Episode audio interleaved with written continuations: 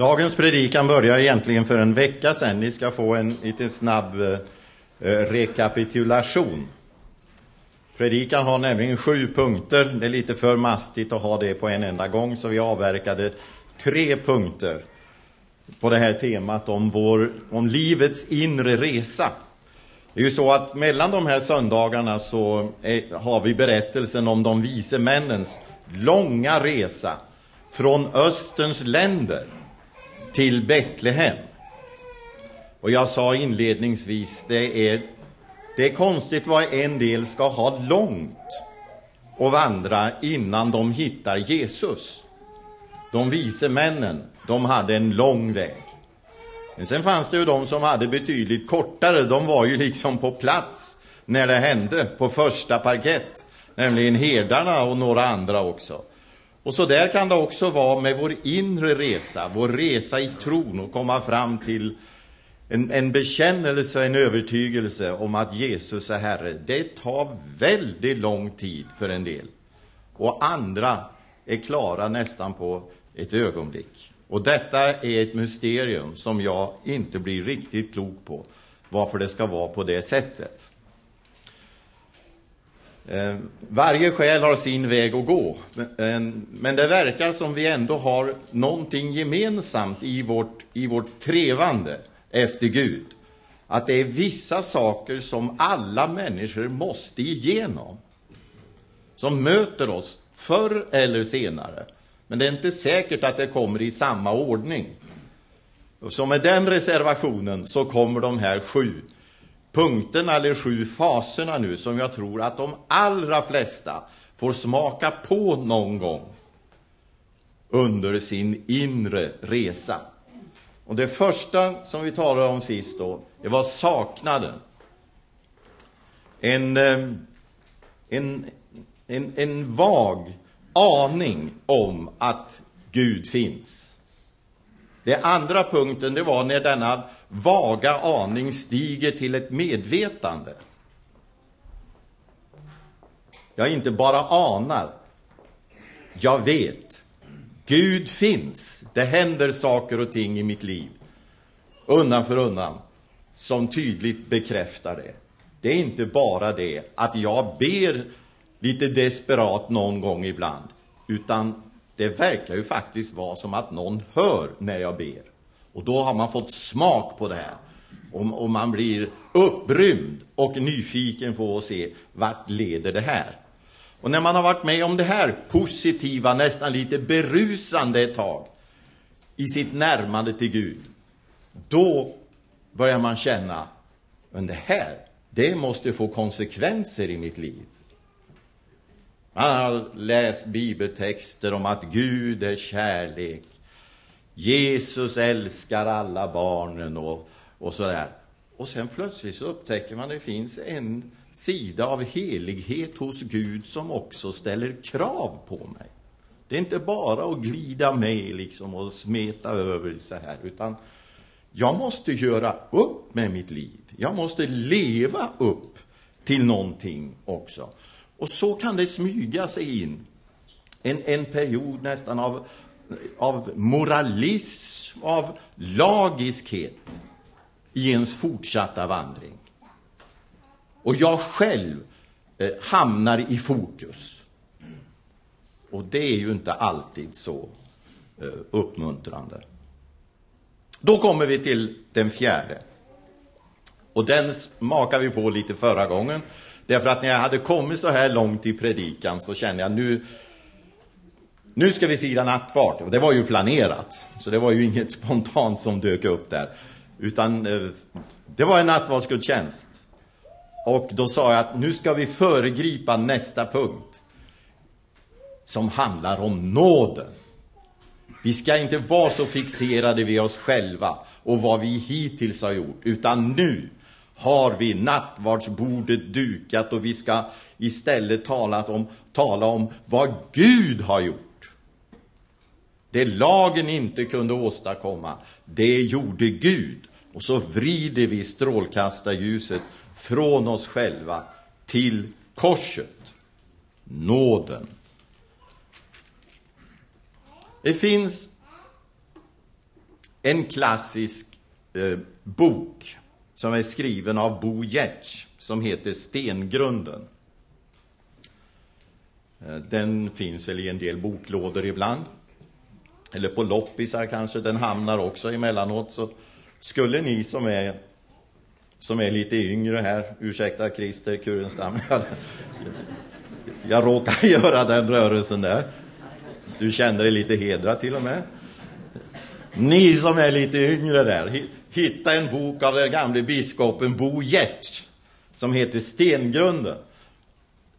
Lite, lite sådär halvtrist eh, omslag på den. Ta den och läs, för det har många, många äldre gjort i det här landet. Det tillhör klassikerna. Där finns en berättelse om gamle bonden Johannes. Han deltog i sådana här samtal som eh, Anita berättade om här, om rättfärdiggörelsen genom tro. Vad står det skrivet?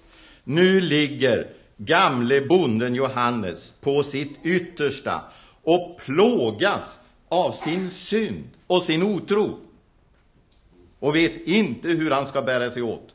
Då kommer den unge prästen till Johannes och ska försöka sörja för hans själ.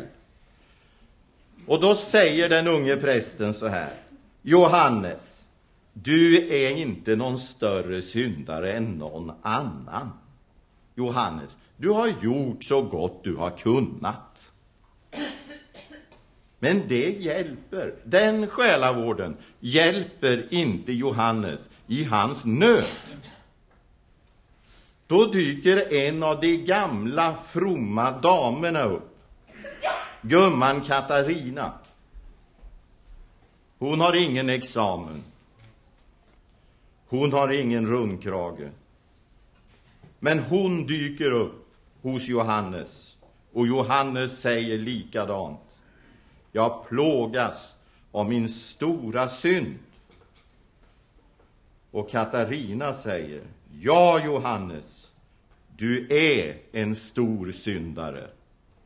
Men du har en ännu större frälsare. Och det blir förlösningen hos den gamle bonden.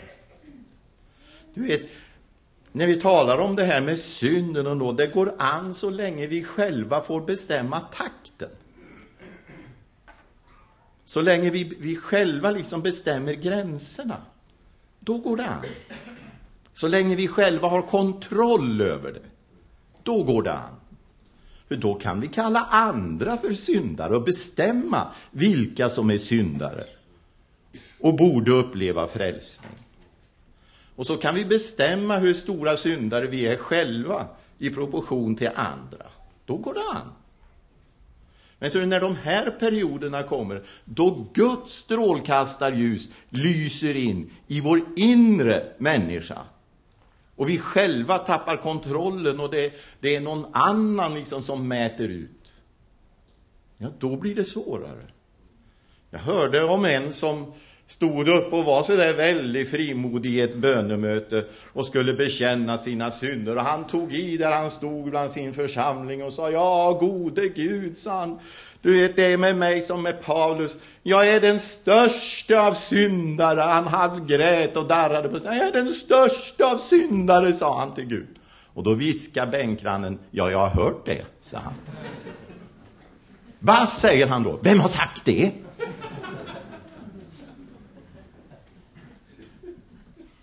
Ja, det är frågan det. Får man säga det själv så kan det ju gå an. Men om någon annan kommer, och särskilt när Guds egen helige ande säger någonting,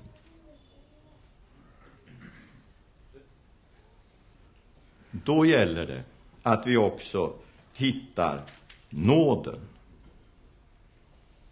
Sen är det inte ovanligt, vi måste kliva på här på vår väg. Sen är det inte ovanligt att efter starka andliga upplevelser så kommer det en, en rekyl. Har man varit som tonåring på ett intensivt tonårsläger en vecka någon gång, då vet man att det, det blir ett, ett bakslag när man kommer hem. Ja, ibland så tycker man då när man kommer från den här upprymda stämningen på de frivilliga andakten och så där på, på ett tonårsläger och så kommer man hem på tråkiga bönemöten och tråkiga predikningar. Då sa vi tonåringar till varandra ibland, det här är ju rena natta, sa vi. Det kan komma en natt efter stora upplevelser. Det är en sak jag vill säga innan jag går vidare här. Det, det, det är att när vi talar om, om sökande så är det ett väldigt eh, fokus har varit något tiotal år på nu att, att vi är sökare. Och ett, ett intresse för eh, sökande bland eh, mediamänniskor, kändisar från nöjesvärlden, kulturpersonligheter och så vidare. Eh, ett sökande efter Gud. Och eh, många berättar om det, ibland ganska intensivt. Jag är en sökare. Jag längtar. Men sanningen är ju egentligen den att det är Gud som är sökare. Har vi tappat bort det? Har vi lagt all aktivitet bara på oss själva? Det här är ju ett Guds verk ifrån början. Det är ju Gud som drar. Och jag skulle påstå att alla de här, de här avdelningarna som vi går igenom här, det ligger Gud bakom. Det är han som skapar den här, den här försmaken. Det är han som skapar den här tomheten som gör att vi börjar söka. Det är han som riktar lagens udd emot oss så vi börjar känna av det är någonting som inte är som det ska. Det är ju Gud som gör det. Det får vi inte tappa bort. Men det här med natten då? Är det Gud som för oss in i natten också? Ja, så kan det faktiskt vara. Och orsaken till att Gud är tyst ibland, det är att vi ska lära oss att lyssna bättre. Därför tiger Gud emellanåt. För att vi ska skärpa vår inre hörsel. Så det är Gud som verkar i detta också. Ibland är det nästan som att Gud leker kurragömma med oss. Han försvinner. Och vad är hans avsikt med det? Jo, när Gud drar sig undan som vi upplever det, då är det som att han vill att vi ska söka efter honom och kom, hamna på en, ett djupare plan i vårt sökande, att söka intensivare. Vi ska gräva där vi står.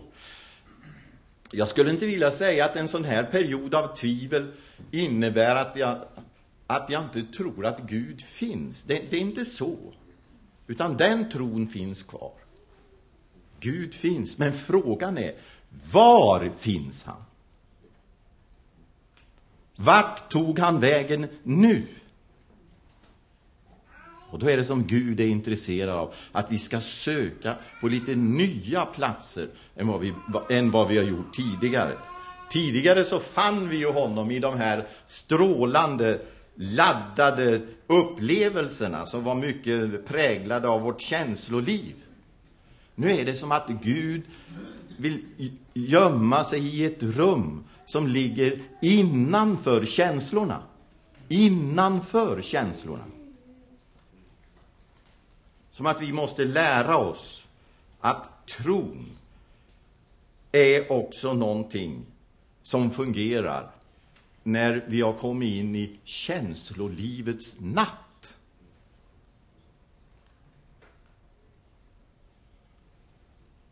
Ibland kan vi ha perioder då vi tycker nu har jag fått rätt bra ordning på det här.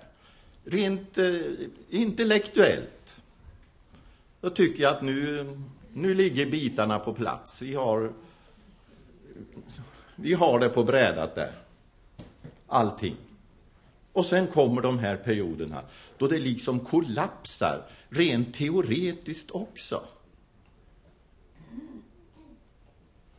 Och det stämmer inte. Och jag som hade sån ordning på det, det här, det här är ju inte logiskt längre. Är det Gud som ligger bakom det också? Ja. Vad vill han lära oss då? Jo, han vill lära oss att det finns ett icke icke-intellektuellt drag i tron också. Förut då lärde han oss, det går att tro utan att känslorna rusar. Och nu vill han lära oss, det finns ett, ett drag av icke-intellektualism också i tron. Därmed inte sagt att vi måste liksom koppla bort hela intellektet alltid. Men vi får lära oss en läxa ibland. Titta här med barnet. Vad är det Jesus vill säga när han ställer barnet i centrum och säger ni ska bli som detta barn? Vad är han ute efter? Jag tror faktiskt att det rör denna enda saken. Det finns ett icke-intellektuellt drag i tron.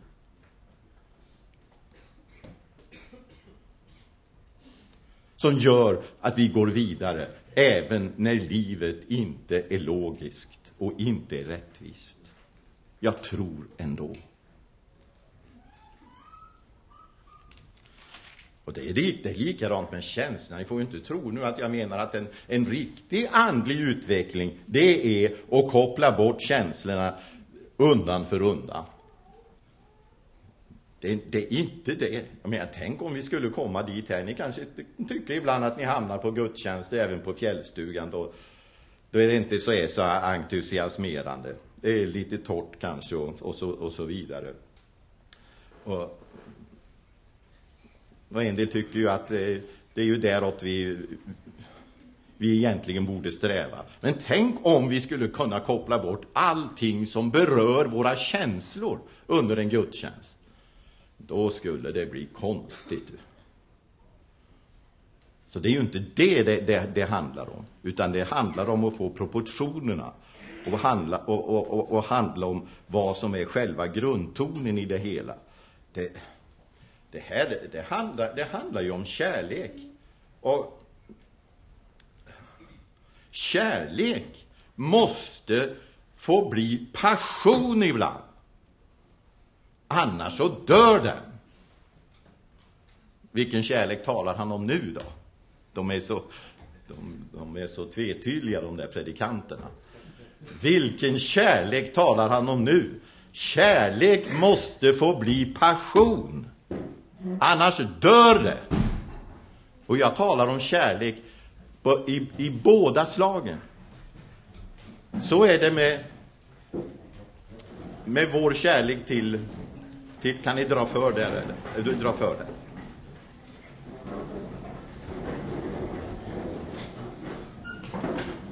Det händer något, det behöver inte beröra oss allihop. Utan de, de drar för vikvägen. Så hanterar vi det.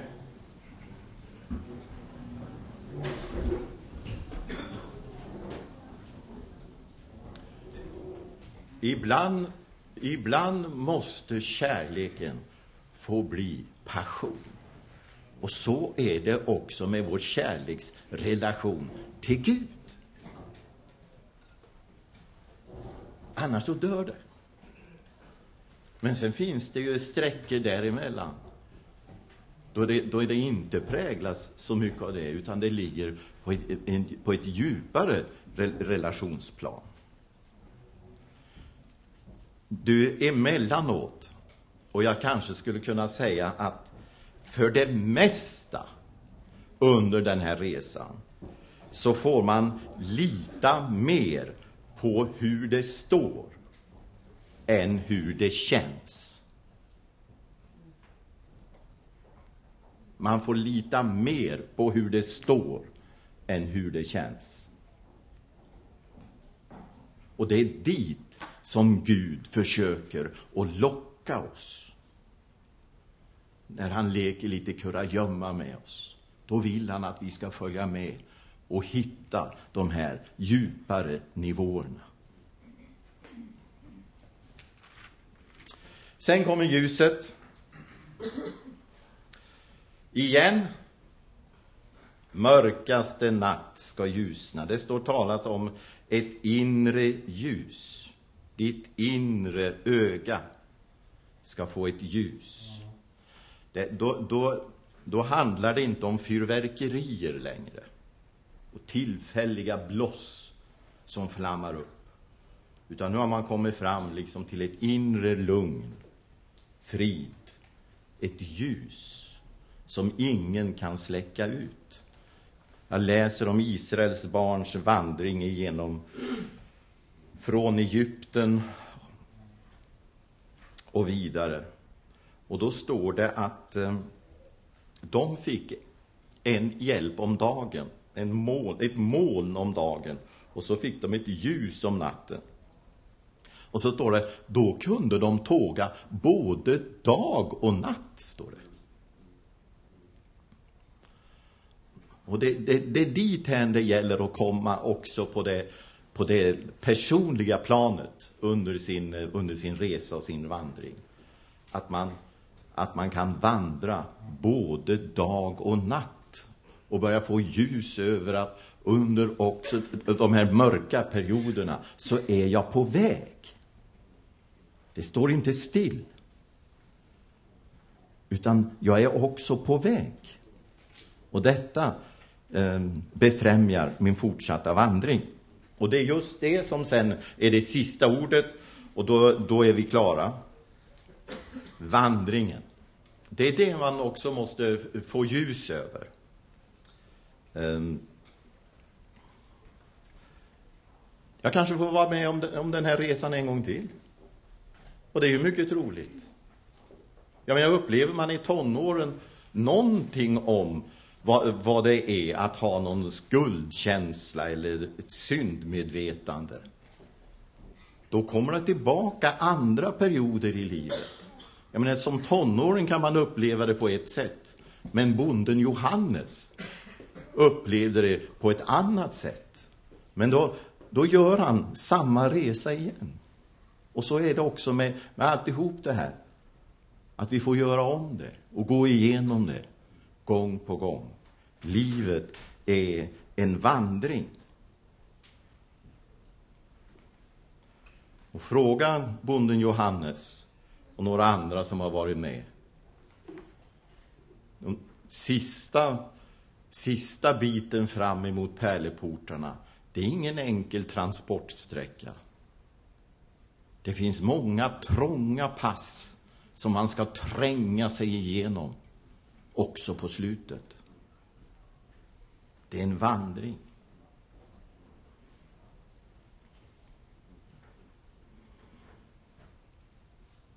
Nu kan man ju röra sig och vandra på olika sätt. I Bibeln är det en väldigt tydlig metafor, det här med livets resa. Om att vara på den vägen, som det heter om de kristna i apostlagärningarna. Det är en väldigt vanlig bild i, i Bibeln, att vi är vandrare. Ehm, men man kan ju resa på olika sätt. Vi kan resa som turister. Eller vi kan vandra som pilgrimer. Och det skulle jag vilja be dig, när jag nu själv avslutar predikan, att du skulle kunna reflektera över en gång. Någon gång. Om du är turist i livet.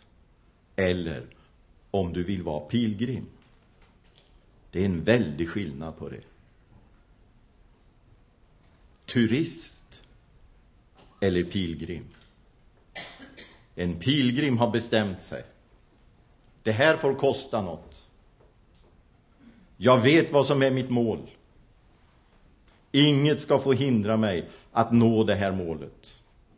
Jag har bestämt mig. Ett turistande.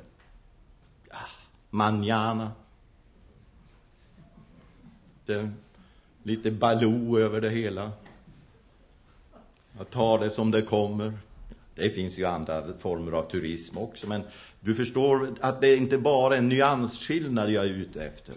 Att vara en pilgrim. Jag ger mig inte. Jag är öppen för signaler. Jag ger akt på dem som är mina medvandrare.